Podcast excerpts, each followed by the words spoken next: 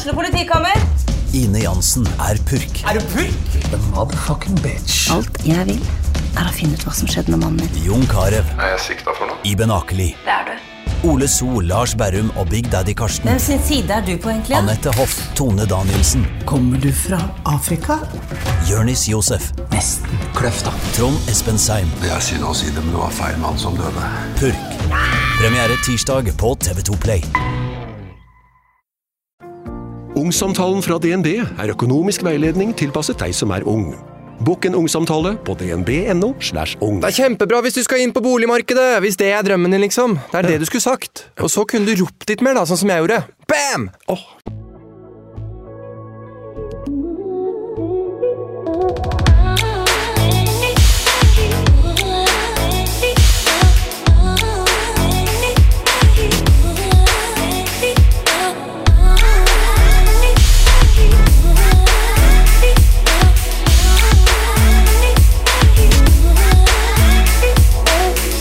Dagens episode er nok litt spesiell å lytte til. Uvanlig for mange. Jeg skal ærlig innrømme at det var spesielt å lage den også. Jeg har nemlig besøk av Helene, og hun har tics. Blant annet voldelige tics. Også under innspilling. Og vi skal snakke om nettopp dette. Hvordan det er å ha tics i kombinasjon med depresjon, og hvordan det er å leve med i hverdagen, både for henne og de nærmeste. Og hvordan er det f.eks. med kjærligheten? For jeg vet at det er en del knuse telefoner og blåmerker. Og Helene har tics som, i kombinasjon med depresjonen, kan bli voldelige. Jeg gleder meg til du skal få høre og bli bedre kjent med Helene og dette viktige temaet.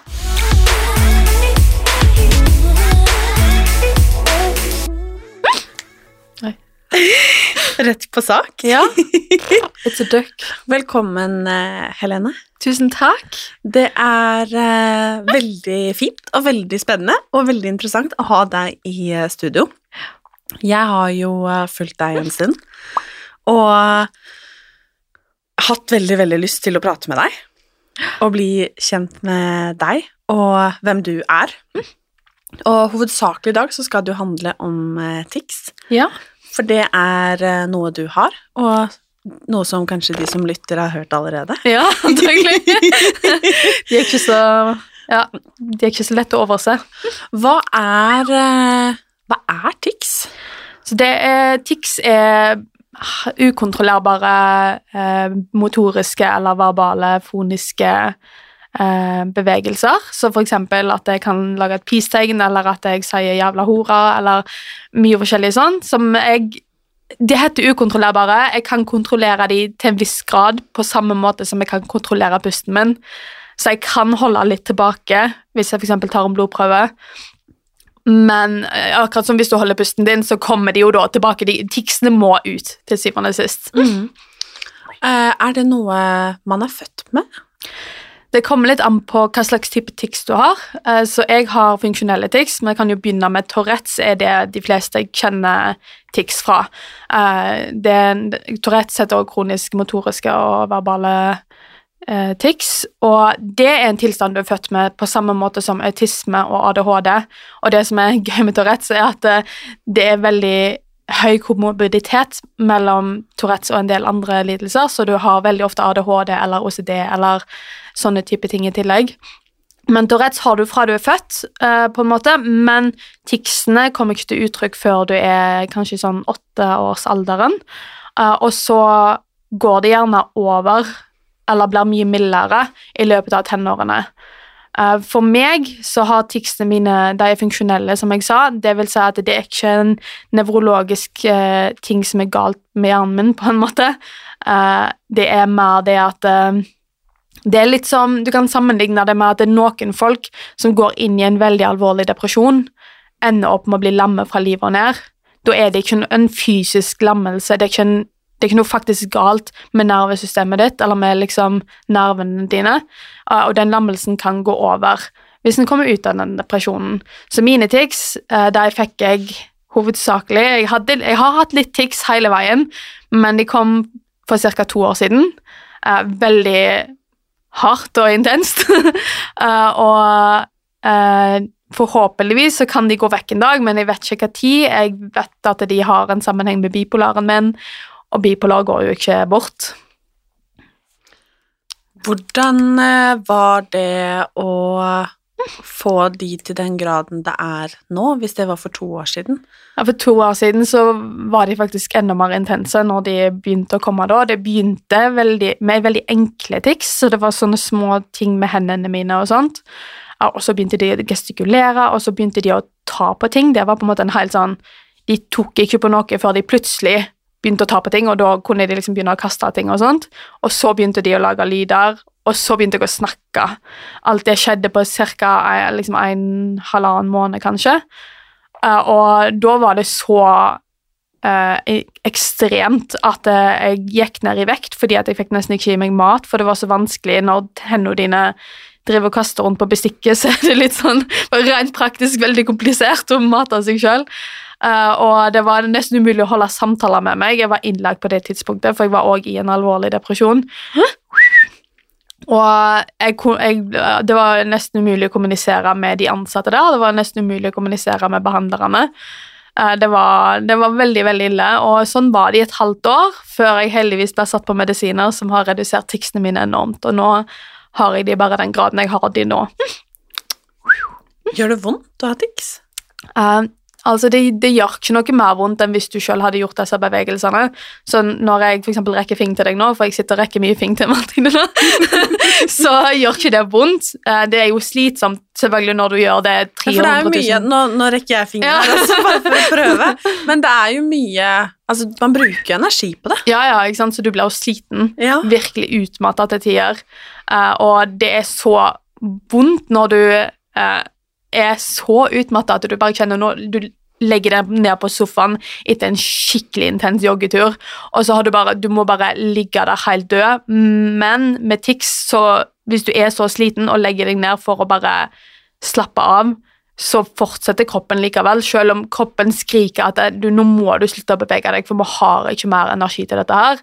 Så driver kroppen samtidig og liksom slår på veggen og brøler og eh, pistegn og alt mulig. Eh, mye, jeg har perioder mye i ansiktet òg, og det er òg veldig slitsomt.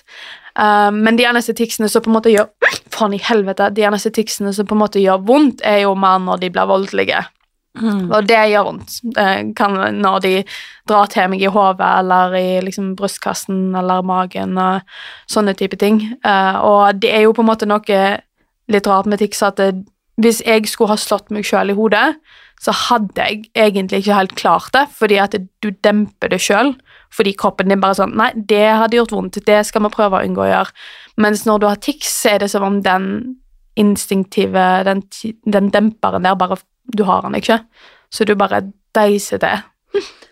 Jeg hører jo at du skiller mellom tics og kaller det liksom den, ja. også på deg. ja. uh, og det syns jeg egentlig var litt sånn fint, at det på en måte ikke kategoriserer deg, Helene, liksom. Mm. Men hva, hva er det da, på en måte, hvis du skjønner hva jeg mener? Altså, er det Blir du sint på ticsen din, for eksempel, for at uh, den gjør alt det her uh, på vegne av deg, hvis du skjønner hva jeg mener?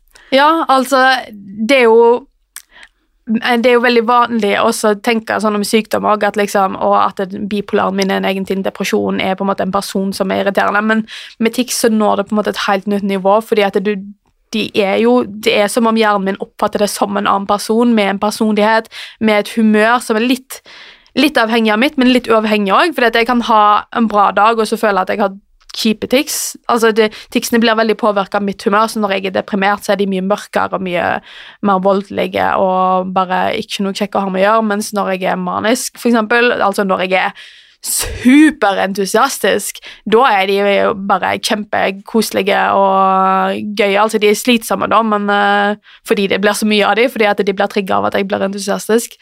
Men men samtidig så er det av og til så er det sånn mismatch mellom meg og ticsene mine. Og jeg har av og til noen tics som er veldig rare, som gjør at det er som om jeg hulkgriner. Sånn plutselig, i noen sekunder, og så går det over. Og så sitter jeg og bare Hva var det? Og da, da er det som om ticsene mine er, liksom, er kjempetriste, mens jeg sitter der og bare hvor, mm, Hæ? Dette ja, det føler ikke jeg. Ja, Det var litt merkelig. Ja.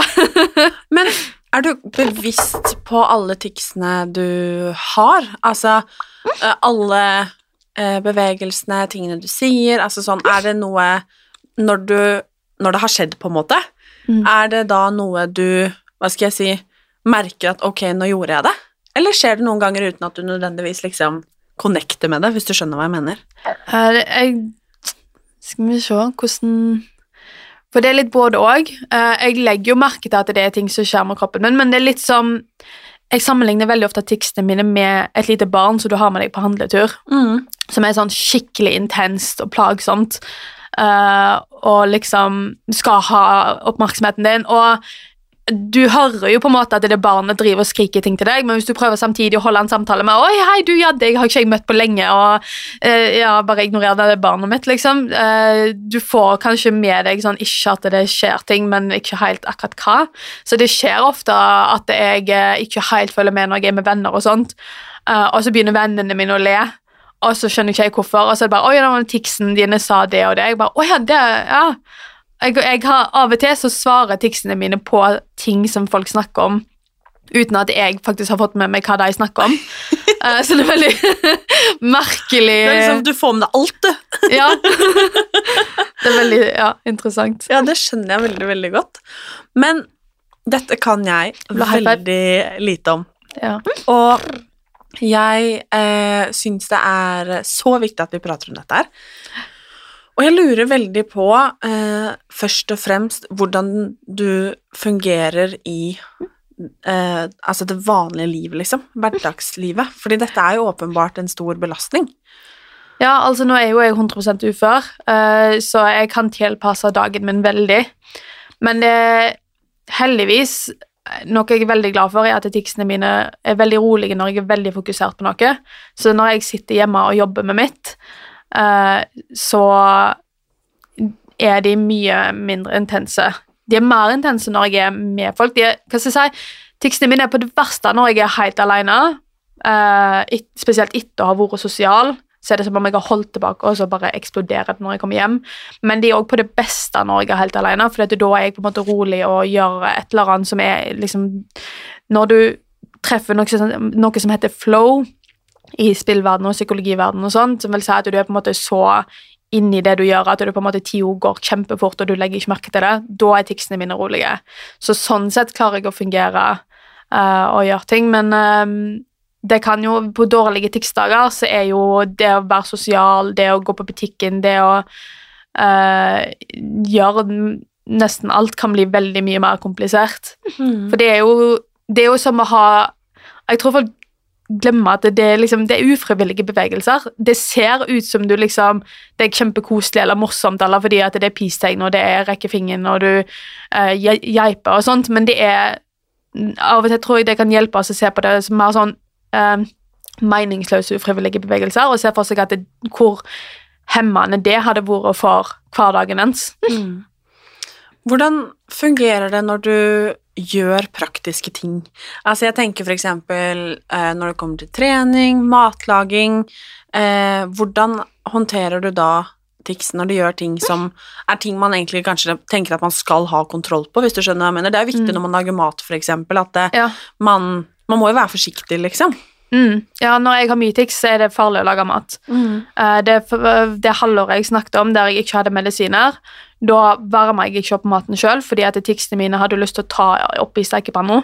Eh, jeg var ikke borti en kniv, fordi at ticsene mine hadde lyst til å kutte og sånt. Og det, det er sånn, Heldigvis så er det litt sånn at ticsene gjør ikke ting som er kjempefarlige, men det er veldig ekkelt å kjenne at ticsene har lyst til å gjøre noe.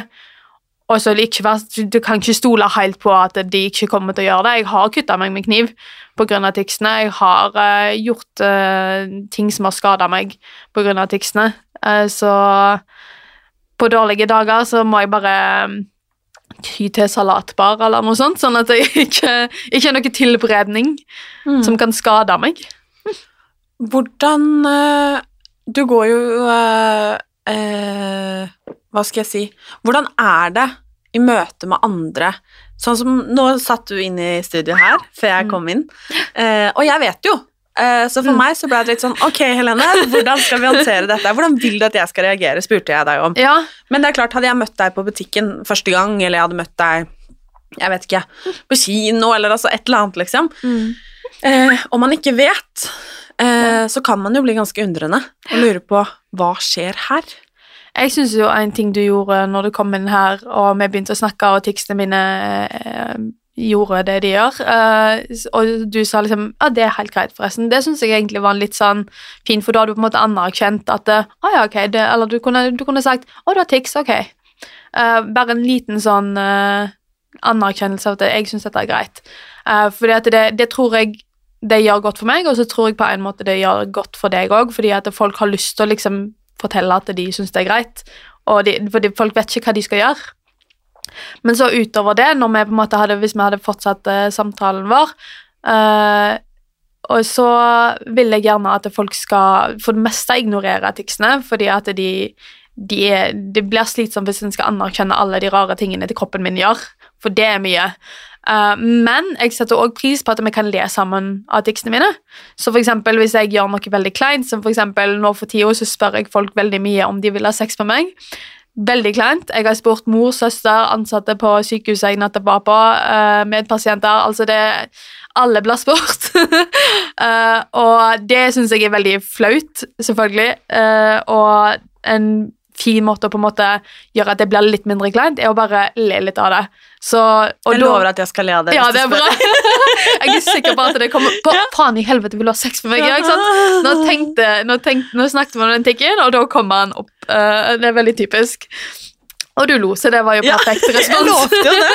ja. Men da er det sånn latter gjør det litt mindre kleint å gjøre. At hvis det er litt voldsomme ting som på en måte kan så, Men da er det veldig ofte bare til å se til meg. Hvis jeg ler, så ler gjerne med meg av tekstene mine. Mm. Blir du Opplever du noen gang at folk syns at det er uh, Altså at folk liksom trekker seg litt unna og syns at det er litt sånn vanskelig? At man bare liksom Men i alle dager, liksom. Skjønner du hva jeg mener? Mm. Ja, jeg har jo fått beskjed uh, når jeg har vært innlagt, og så er du jo plutselig med masse mennesker som ikke kjenner til deg, og ikke kjenner Da har de heldigvis, de ansatte, ofte fått lov av meg til å liksom si ifra til dem om at det er forresten en pasient her som har tics, bare så du vet det. Uh, men jeg har jo fått beskjed om at folk har uh, liksom De syntes det var veldig skummelt når de møtte meg første gang. spesielt i depresjoner, som igjen da har mye mørkere tics. Uh, da er det mye sånn kjefting og banning og uh, sånt. Og så, men så har de fortalt at men, men, selvfølgelig, når jeg ble kjent med deg, Helene, så var det ikke skummelt lenger. Men da Ja, jeg har, jeg har fått beskjed om at uh, folk syns at det kan være skummelt og litt mye, og vi, litt sånn Hva er dette for noe? Og det er litt vanskelig å vite hvordan jeg skal dempe den angsten folk får for meg, på en måte. Jeg er jo livredd for sjøl uh, at uh, folk skal være redde for meg når jeg sitter på bussen og har, hvis jeg har ticsanfall der. Det vil si at jeg har ekstremt mye tics.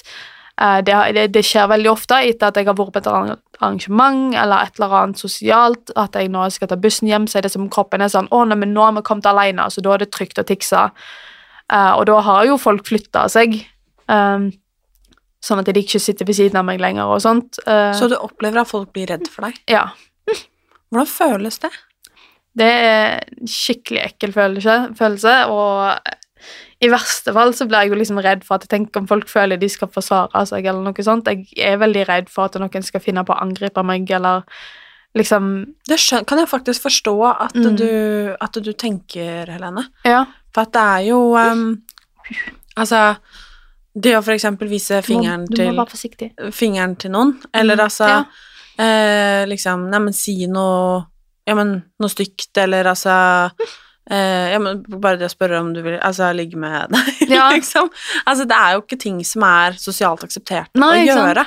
Og man, jeg kan faktisk forstå at du eh, Det har jeg ikke tenkt på, men at du kan være redd for at noen skal blir sint på deg. Ja, ta det opp, liksom. Ja, eller bare 'hvorfor i helvete viser du fingeren til meg', liksom. Ja, ikke sant. Jeg har eh, opplevd det liksom en gang og to, at uh, noen har liksom 'Du, hvorfor gjorde du det?' Altså sånn, blir sinte på meg for at det, og, Men heldigvis, når jeg, fortel, når jeg sier tics, så er det litt sånn 'Å ja, ok', da skjønner de fleste det. Men jeg er veldig redd for å møte på noen som ikke skjønner det. Jeg har møtt på folk som bare ikke forstår hva jeg snakker om når jeg sier jeg har tics. Når jeg sier at det, det, det er tingen jeg gjør med armen min der, det er tics, så bare forstår de ikke hva Hæ? Jeg kunne sagt liksom noe på gresk, og de hadde liksom forstått det like godt. Men derfor er det jo så viktig at vi prater om det. Ja, Det er jo akkurat absolutt. det. Sånn at vi kan eh, spre kunnskap og mm. eh, lære om det. Fordi at det er jo Det er jo annerledes og spesielt. Og jeg skal til og med være så ærlig og si at det nesten kan være litt sånn rart. Ja. Fordi at det er jo mye å forholde seg til, og eh, liksom Hvis man ikke Hvis man ikke vet, ikke sant? Mm. Um, du nevnte jo at eh, du kan ha veldig depressive eh, og kjipe tics. Mm. Er du noen gang farlig for andre? Nei, altså Helt eh, ærlig, liksom. Ja, helt ærlig. Eh, altså, de som har mest fått gjennomgå ticsene mine, det er søstera mi og mor mi. Eh, og søstera mi har fått blåmerker av både slag og biting. Til mitt forsvar så får hun litt blåmerker, men de har ikke vært noe farlige for noen ennå. De, de har helt vann på og cola på folk og liksom gjort mye rart, men eh, men det er jo òg den at det er jo mer kompleks enn tikk er, for dette forut for en tikk, så får jeg en følelse i magen av at det nå kommer den tingen til å skje. Uh, ikke på de små ticsene, så når jeg rekker fingeren til deg, der kommer hun helt ut av det blå for meg, men hvis jeg for eksempel uh, Ja, nå, får, nå har jeg en følelse i magen av at uh, Jeg vet ikke helt hva nå har jeg en følelse i magen av at jeg kommer til å liksom si 'jævla hore', 'jævla hore', ja, ikke sant? Og der kommer han. Fordi jeg snakket med han. Uh, da får jeg en sånn tikkadvarsel på en måte i magen. Uh, og når det kommer til de mest komplekse ticsene, og det vil si da tics som kanskje uh, interagerer med objekter, så kaster ting eller sånne type greier, det, det får jeg en veldig advarsel på i magen før det skjer. Eh, Så hvis jeg føler at liksom, nå kommer jeg til å kaste noe, så rekker jeg som regel å sette det ned før, eh, før det eventuelt skjer, da. Men jeg er jo redd, altså det er veldig ekkelt i perioder der jeg har sånn ekstremt mye tics der jeg merker at nå er det helt ute av kontroll inni meg. Nå vet ikke jeg hva som kommer til å skje, eh, og det kan skje store, brå ting. Da må jeg på en måte bare se på rundt meg. Hva er det jeg rekker? Hva er det jeg når? Jeg gjør ofte en sånn faktisk fysisk rekke rundt meg for å se er det noe jeg når nå som jeg ikke burde nå. Eh, og ja, for å holde både meg og de rundt meg trygge. Men er du noen gang redd for deg selv?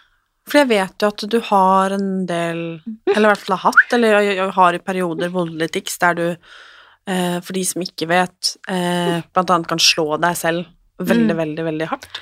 Ja, jeg har jo vært bekymra i de periodene det, det har vært verst. For eksempel så for en måned og to siden nå, så testa vi å trappe ned på den medisinen jeg står på for ticsene mine. Vi fant ut veldig fort at de måtte jeg trappe opp på igjen, for de, de er, gjør så mye. Um, men den lille perioden der jeg hadde trappa ned da, hadde jeg mye voldelige tics, uh, og jeg blir jo genuint bekymra for kommer jeg til å få hjernerystelse av det her, for det er så mange slag. Jeg blir så kvalmende og svimmel av å slå meg sjøl så mye. Uh, så det er slitsomt, og det er vondt, og jeg har altså Jeg tenker det første halvåret jeg hadde med TIX, at jeg overlevde det og ikke ble ordentlig skada av det, gjør jo at jeg er mye tryggere på at det ikke kommer til å skje noe farlig videre. Ja, det, det kan jeg faktisk forstå, men jeg tenker på sånne vanlige hverdagslige, praktiske ting. Mm. Eh, kan du bo alene, for eksempel? Ja, Ja. jeg bor alene. Er du noen gang liksom redd for å liksom Eller mange slutter kanskje å være redd for det, å ødelegge ting, eller miste en kopp på gulvet, eller lage Altså, jeg- hull i veggen, eller Jeg har jo knust to telefoner. Og jeg har jeg, Heldigvis har jeg ikke knust så mange glass som jeg føler at jeg eh, Altså, det Jeg er veldig bevisst når jeg f.eks. bærer en tallerken eller når jeg bærer et glass. Jeg er veldig bevisst på å følge med på liksom, kroppen min. Og, og jeg er i dårlige perioder der jeg har mye tics. Jeg er veldig bevisst når jeg holder telefonen min. Noen ganger legger jeg den ned på bordet foran meg og så liksom scroller med en finger. eh, for at jeg ikke skal kaste den i veggen. Uh, for det, det, det første gangen jeg på en måte fikk en såpass kompleks tics, det var da jeg knuste telefonen første gang. Da satt jeg på senga der jeg var innlagt, og så kjente i magen at nå er det som om jeg vil kaste mobilen min. Hvorfor i alle dager føler jeg at det skal skje? Og så ignorerte jeg det, for jeg tenkte jo ikke noe over det. Og så, før jeg liksom tenkte noe mer, så bare jung, rett i veggen på andre sida av rommet. Og det kan jo ødelegge Altså, det ødela jo mobilen, men det kan jo ødelegge andre ting òg. og jeg har jo knekt kort og sånt. Uh, og revet i stykker papirer og gjort mye Ja, ødelagt en del ting. Men uh, det er heldigvis ikke så mye som en skulle trodd at blir ødelagt, som faktisk blir ødelagt. Men sånn eh, fingerarbeid, for eksempel, eller sånn for eksempel sminke seg da, ta på maskara, er det vanskelig, syns du? Eh, det kommer an på dagen. Men jeg, har jo, jeg hadde nylig en broderingsperiode der jeg ble litt sånn besatt av brodering. Eh, og det Oh, I wish. Det er veldig ser Å, det, det er så Det er så koselig, ja. jeg vet det. Men ja, nei, kanskje du må lære meg det. Ja, vi kan ta en uh, leksjon. Ja. uh, og det gikk for det meste veldig greit. Det er igjen noe som jeg nevnte tidligere, dette med fokus, at når du fokuserer veldig på oppgaver, så roer det ticsene. Så jeg brukte brodering til å roe meg. Da gikk jeg i sånn psykoedukasjonsgruppe, så da var det på en måte en del undervisning, og da skal du jo helst være litt stille, da, sånn at du ikke forstyrrer alle andre som prøver å følge med. Uh, og da broderte jeg for å på en måte holde meg rolig. Og det sammen med svinke så går det greit, for det er liksom, du er veldig konsentrert akkurat når du gjør det. Men på en dårlig dag selvfølgelig, så hadde jo den maskaraen liksom gått inn i øya. Det vondeste som er. ja, altså det, det, og når jeg broderte, så satt jeg, satt jeg og broderte en gang, og så var det en fyr som satt med liksom eh, beinet oppå det andre beinet, sånn at det, skoen var liksom sånn 30 Sånn her, liksom? Ja, ja, Ja. sant? Eh, Sånn at skoen var sånn 30 cm fra broderingsgreiene mine. Mm. Og da plutselig så bare tok ticsene nåla og bare stakk den rett inn i skoen. Heldigvis hadde denne fyren en veldig tjukk såle. Jeg trodde at han gikk inn i han, men heldigvis ikke. Nei, Så- heldigvis ikke. Det er livsfarlig med brodering. Ja, det er det. Når du har tics og brodering, da Ja, ja det er eh, Ja, nei, hva skal jeg si? Du har jo nå eh, vært eh, lenge på sykehuset. mm, Eh, tre måneder, var det det Ja, du sa? det remmer der. Hvor, eh, hvordan har det vært, og hvor, eh, hvordan fungerer det? Hvilken behandling får du? Så det er jo litt trist, da, for det, det sykehuset det er nå lagt ned. Er det? Ja, eh, Hurdalssjøen Recovery Center heter det. Og det har gitt meg så mye. Forhåpentligvis så får de en eller annen avtale og klarer å åpne på et eller annet vis, men akkurat nå så er det lagt ned. Uh, og det er et sykehus som har veldig fokus på medisinfri behandling. Uh, så de er veldig gode på medisinertrapping, og det var noe av det jeg var der for. Jeg ville trappe ned på en antidepressiva og teste og trappe ned på den eh, TIX-medisinen min. Eh, men så er de òg veldig gode på sånn psykoedukasjon og på det å lære deg å mestre hverdagen og uh, sette deg mål for livet og på en måte skape håp og mening i livet ditt, sånn at du klarer å holde deg frisk. eh, eller i recovery, som de sier, lengst mulig. Og det, det var et veldig godt og inspirerende opphold som jeg tror at det kommer til å Det vet jeg har hjulpet meg og kommer til å hjelpe meg til å holde meg mest mulig unna sykehus i framtida, da. Så fantastisk. Ja, jeg vil, jeg vil jo aller helst Ja, altså det som på en måte den setningen som gikk litt igjen i hodet mitt når jeg ble lagt inn der, var at det, kanskje dette er innleggelse så blir den siste innleggelsen. Jeg tror jo ikke at det er Jeg er dessverre veldig alvorlig psykisk syk, så det er nok fare for at jeg må på sykehus igjen, men eh, ja, det er lov å håpe. Det er lov å håpe. Mm. Jeg skal håpe med deg. Ja, takk. Men du nevnte jo at eh, dere har snakka om Vil du- eh, ja. Der kom den. ja, da kom man igjen. om eh, Nei, hva skal jeg si Om Herregud. Med, med mål i livet. Og da lurer jeg på, hva er dine mål i livet? Akkurat nå så har jeg nettopp meldt meg opp til studie, videreutdanning. Kult! Bare, det er bare 15 studiepoeng, men jeg håper at jeg klarer det. Eh, det blir jo liksom Det blir til høsten, eh, så da ender jo det studiet ca. når mine depresjoner pleier å begynne, og det er i sånn november-tid, så da må jeg jobbe veldig forut, sånn at jeg er klar Mm. hvis, det blir, hvis jeg blir dårlig da. Eh, og så er det jo det å drive med formidling rundt psykisk helse som har blitt en stor del av eh, hverdagen min nå. Fordi at det Jeg har en bachelor i multimedieteknologi og design, så jeg er jo veldig rutinert på å jobbe med media og jobbe med sosiale medier og video og foto og design og alt sånt. Eh, før så var drømmen min e-læring å jobbe med det, men nå tror jeg at det blir mer som formidling rundt psykisk helse og andre Jeg er jo sterk feminist og er jo opptatt av skeives rettigheter og rasisme og alt sånt òg. Det er jo kjempebra. Mm. Men eh, jeg må spørre, for jeg blir litt eh, nysgjerrig da. Eh, hvordan Vil, vil du ha bank? Det, det er enten vil du, vil du ha sex, eller vil du ha bank? Ja, nei takk. Eh, ellers takk, Helene. Vi skal snakke om noe mye koseligere i stedet for, tenkte jeg. Ja. Jeg tenkte uh, å spørre deg om hvordan dette er med tanke på kjærligheten og dating. ja. For det er jo eh, Kan jeg forestille meg at det ikke er bare bare. Det er jo litt kleint. Eh, altså, det, det har, Jeg har bare data litt fordi at jeg har vært så mye syk at det liksom har ikke vært så aktuelt. Men jeg har funnet ut at det, eh, tics er egentlig ikke noe problem når det kommer til dating. Det er litt sånn Jeg unnlater å si det til personen før vi skal møtes, og samme dag pleier jeg å sende en melding med at 'hei, forresten, jeg har tics'. Eh, det er bare til å ignorere de, eller le litt med meg hvis de er morsomme. Eh, og det håndterer folk kjempebra. Eh, jeg er jo litt heldig med at jeg er jo veldig opptatt av å date folk som er woke, og de er som regel skeive damer eller ikke-binære som har en tendens til å være mer sånn positive i forhold til sånne type ting, og liksom ikke blir så redd av at, ting, at folk er litt rare. Eh, Så det, ja, det er til nå bare positive erfaringer med TIX. Så fantastisk. Mm. Da skal jeg også stille deg et litt intimt spørsmål, men for det er jo mange bevegelser eh, spesielt, og du må ikke svare hvis du syns det er ukomfortabelt, men jeg lurer oppriktig Ja. hvordan det er eh, liksom å være nær og intim med en annen. Eh, er, hvordan er det med tics, liksom? Skjønner du hva jeg mener? Ja, til nå så har det gått veldig bra. Ja. Eh, men jeg har liksom ikke jeg, jeg har eh, Som sagt så er det søstera mi og mor mi ticsene har gått verst utover. Jeg har ikke på en måte kommet tett nok eh, med en sånn intim relasjon da, på en måte til at jeg, at jeg har blitt komfortabel nok til at jeg tror at ticsene på en måte har vist hvor, hvordan de kan være med en kjæreste.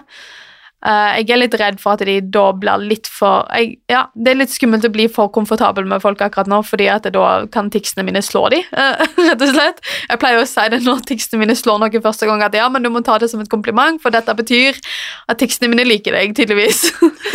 Eh, så jeg, jeg har Ja, nei, til nå så har det ikke vært noe problem, men eh, jeg, har, eh, jeg har ikke vært helt eh, kjent noen godt nok på en sånn måte til at eh, jeg vet helt hvordan ticsene mine vil reagere. Hvordan har tilbakemeldingene vært på sosiale medier, eksempel, når du har delt dette? Det har for det meste vært bra. Eh, 99,9% av tilbakemeldinger er folk som er forståelsesfulle og setter pris på at jeg på en måte belyser og gjør folk mer oppmerksomme, enten fordi at de sjøl har tics, eller fordi at de nå vet hvordan de skal reagere når noen har tics eh, foran dem. Uh, men så er det jo noen litt sånne kjipe mm, tilbakemeldinger som jeg har hatt et par, heldigvis veldig få, bare virkelig bokstavelig talt et par stykk som har uh, sagt at jeg faker ticsene mine. Og det er jo min verste frykt, at folk skal tro at jeg gjør disse greiene her med vilje. Det, kan jeg, det, det jeg har ikke kjent deg så lenge, Helene, men eh, det har jeg faktisk skjønt at du ikke gjør. Ja, nei, ikke sant? Altså, Hvis jeg hadde klart å fake det her, det hadde vært imponerende. Det hadde det. Oscar-verdig. Ja, faktisk. Ja. Men hvordan har det føltes da, når folk har skrevet sånne ting? Nei, det er jo litt ekkelt, men så ser jeg jo at folk er rett på å forsvare meg med en gang. Så det er veldig bra. Og så har jeg fått eh, Jeg la ut en eh, TikTok her om dagen om disse sexticsene mine, og liksom prøvde å skape litt humor rundt det. Eh, litt fordi at jeg òg jeg, jeg advarte jo deg når du kom inn i studio her, at forresten, jeg kommer antagelig til å be deg eller spørre deg om du vil ha sex, fordi det gjør det litt mindre ubehagelig når jeg da først gjør det. Så det var min måte på en måte å gjøre det via sosiale medier. på en måte Sørge for at ok, bare så folk vet det, det kan hende at jeg gjør det, det Nå vet dere det. Eh, Da blir folk litt mindre sånn Oi, shit. De, og da har jeg hatt eh, ja, litt for mange menn som kom i DMs og fortalte meg hvor de trodde at jeg var i senga. Og det, det var ikke helt ønska oppmerksomhet. Noen ganger? Ja. Altså, At det, Det var akkurat det du, eh, det Ja, det du var- liksom var ute etter. Ikke sant? Det var 100% akkurat det jeg ville. Og det, det er jo òg litt det jeg er redd for, sånn, hvis vi ser for scenario på bussen igjen. Uh, en ting er hvis folk tror jeg blir sinte på dem, eller sånn, men det som jeg på en måte føler er mer uh, realistisk at kan skje, er at ticsene mine liksom sier noe sånt, eller blunker, eller sånn flørter, plystrer Ok, ja, nesten sånn. Eh, eller et eller annet sånt som en eller annen fyr tar som heter å, det er sikkert underbevisstheten hennes som har lyst på meg, ikke sant? Eh, og skal bli sånn seksuelt trakasserende på grunn av det. Ja, Det, har jo ikke skjedd ennå, fordi at ticsene mine er ikke så Den eh, 'vil du ha sex med meg'-tikken for eksempel, kommer som regel ikke før jeg kjenner noen litt bedre. ja. Eh, hvis du hadde satt deg siden av meg på bussen og vi ikke hadde snakket sammen, så hadde ikke jeg spurt deg om det. Nei. Nei, vi må, vi må ha snakket i ti minutter, og Da, da er du klar. det. Det er, eh, her, går det, her går det unna. Ja, Nei, det er nesten bedre å spørre om noen vil ha bank enn om de vil ha sex med det deg. er sant? faktisk det. det, er faktisk det. Jeg syns det er mindre kleint å noen om de, eller spørre noen om de vil ha bank. Ja. Men da jeg må bare si, så folk vet, hvis noen spør deg om du vil ha bank, og de har tics, ikke si ja, fordi det som skjer da, er at jeg i hodet mitt ser for meg hvordan liksom, de har banket opp noen, ikke sant? Uh, og så da slår til deg. Det, det har ikke skjedd sånn i ansiktet eller noe sånt, men har, det var en medpasient uh, her forleden som stadig vekk liksom svarte ja på om, eh, om når jeg spurte om han ville ha bank, uh, på tull, og ticsene mine denga jo til han i skuldra på grunn av det. Ja, men det var jo fint du sa. Mm. For det må vi snakke om. Både det her med Du nevnte det jo eh, så fint, og at du skiller ticsene dine fra Helene, liksom. Fra Mm. deg. Eh, vet du, eh, med tanke på at du har hatt så mye fin behandling nå, og alt også, eh, hvor disse tingene kommer fra? Det er liksom ikke så vanlig å spørre moren sin om eh, hun vil ligge med en, liksom Oh, ja. eh, tross alt. Men, men er det liksom eh, Hvor kommer den type eh, tikken fra, liksom? Hvor Altså, grunner det i noe, eller kommer det bare helt ut av det blå? Det kommer litt an på. Eh, noen av de føler jeg bare sånn Den vil du ha sex med meg? Jeg har ikke peiling på hvorfor den er Hvorfor den kom nå, og hvorfor han er så mye Altså det, De går litt sånn i perioder òg. At det, akkurat nå er jeg i en 'vil du ha sex med meg'-periode. Uh, om en måned så kan det hende at det, da er det en ny tikk som på en måte er den store tiksen som Ja. Mens andre tics, som for eksempel jeg har It's a, pick, it's a pickle. Ja. Igjen, når jeg tenker på tics, så kommer de. Eh, den har jeg hatt siden jeg fikk ticsene. Uh, og jeg har ikke peiling på hvor den kommer fra, men det er noe som heter ekolalia, uh, som er veldig vanlig med tics. Eh, det er også vanlig for personer med autisme at en gjentar det andre sier. Eh, og det tror jeg er nok største forklaringa på mange av ticsene mine, og det, det er det at jeg har hørt noen si noe i en TV-serie, eller noen sier noe foran meg. Det er veldig vanlig at noen sier noe foran meg, spesielt hvis det er en sånn 'oi, se der', eller liksom et sånt, litt sånn utrop, noe med utropstegn bak, at ticsene mine gjentar det. Ja. Ja, Det er jo interessant, faktisk. Mm. Så det ikke, jeg tror ikke det er så dypt som Men så noen ganger så er det jo det at det, jeg tror at det er litt sånn For hjernen min går jo veldig ofte til 'Å nei, hva kan skje her?' Uh, og uh, da går han veldig ofte til ting som jeg bare absolutt ikke må si. Så for eksempel på Det var jo sånn 50-årsjubileum for at eh, homofili ble avkriminalisert sist sommer. Og da var jeg på Eidsvoll plass og hørte på disse eh, appellene. Eller, ja. Og da hadde jeg hatt den artikkelen for en del måneder siden, for, for over et halvt år siden før det hadde jeg hatt den artikkelen, men da valgte artikkelen 'jævla homo' å komme tilbake for fullt. Så jeg sto og eller ticsene mine prøvde å rope 'jævla homo'. Jeg sto jo holdt foran munnen min for å prøve å liksom dempe sånn at folk ikke skulle høre hva jeg sa. For jeg hadde jo ikke lyst til å liksom traumatisere eller retraumatisere alle som sto rundt meg, som jo var quote unquote jævla homoer. Ja, det, det er jo ikke så, så heldig. Uff a meg. Nei, så rart det der, at det bare kommer liksom Ja, Helt og det, ut av da det tror jeg at det kanskje var en litt sånn der en, i, i hodet mitt en litt sånn der en, Å, hva må jeg ikke si nå? Ja.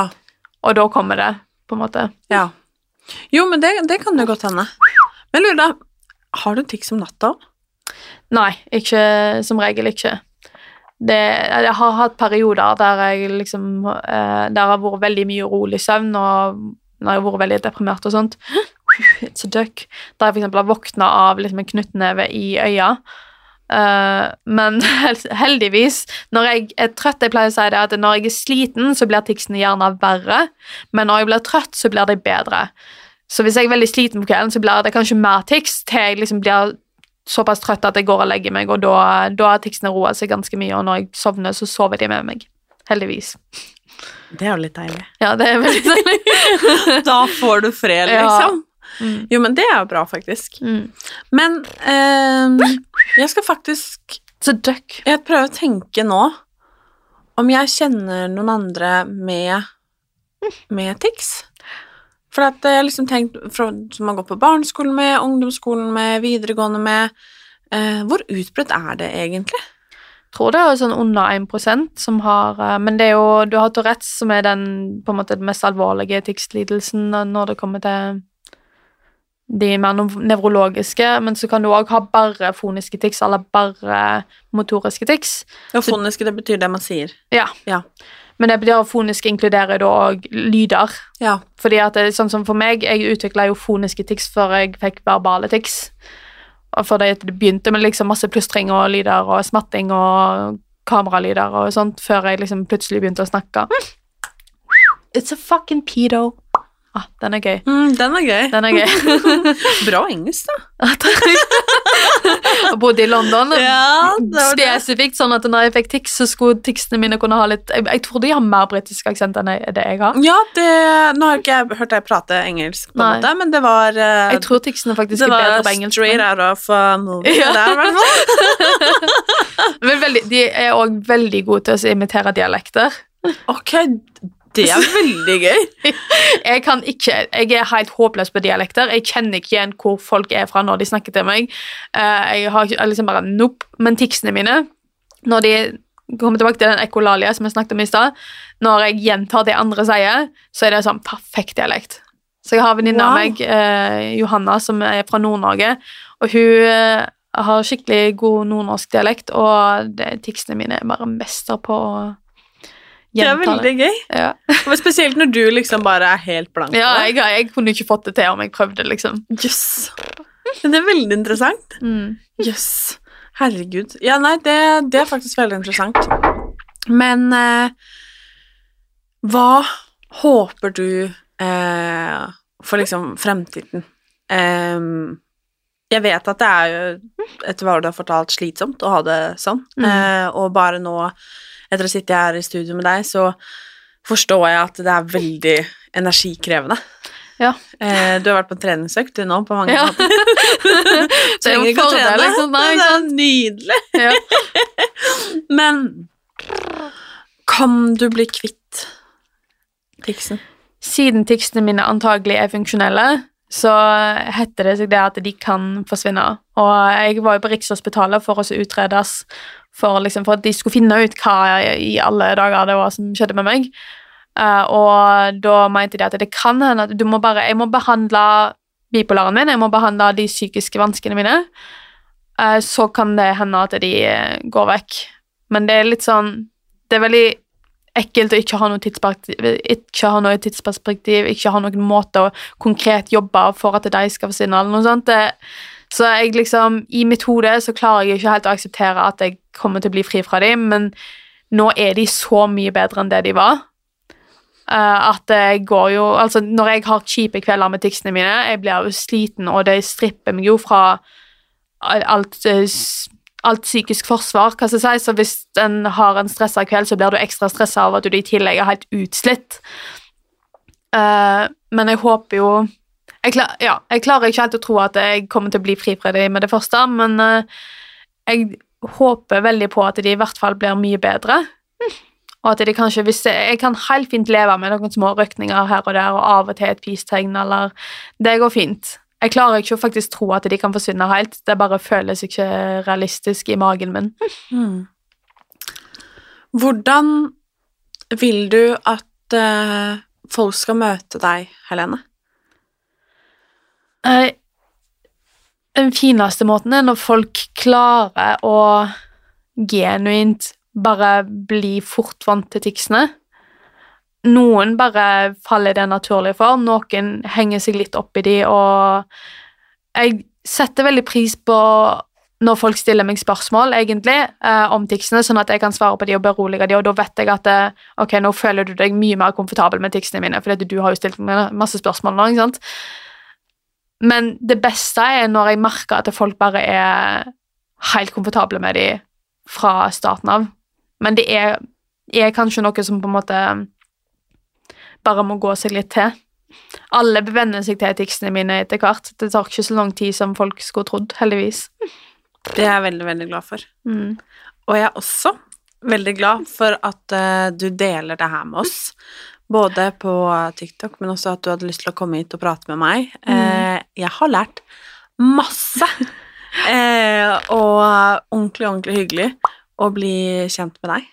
Og hele deg. Ja, veldig kjekt også å få snakke med deg om dette. Det var veldig fint og veldig lærerikt. Og eh, det er ingen andre som har spurt om de får ligge med meg i dag ennå. Nei, ikke sant? Hvis du trenger en selvtillitsboost, bare Det det. ring meg. Helene. Ja. Velkommen. Herregud. Tusen, tusen takk for at du hadde lyst til å være med i Sykt Ja. med Martine. Takk for at du spurte meg. Det var en ære. Det var en ære å få være her.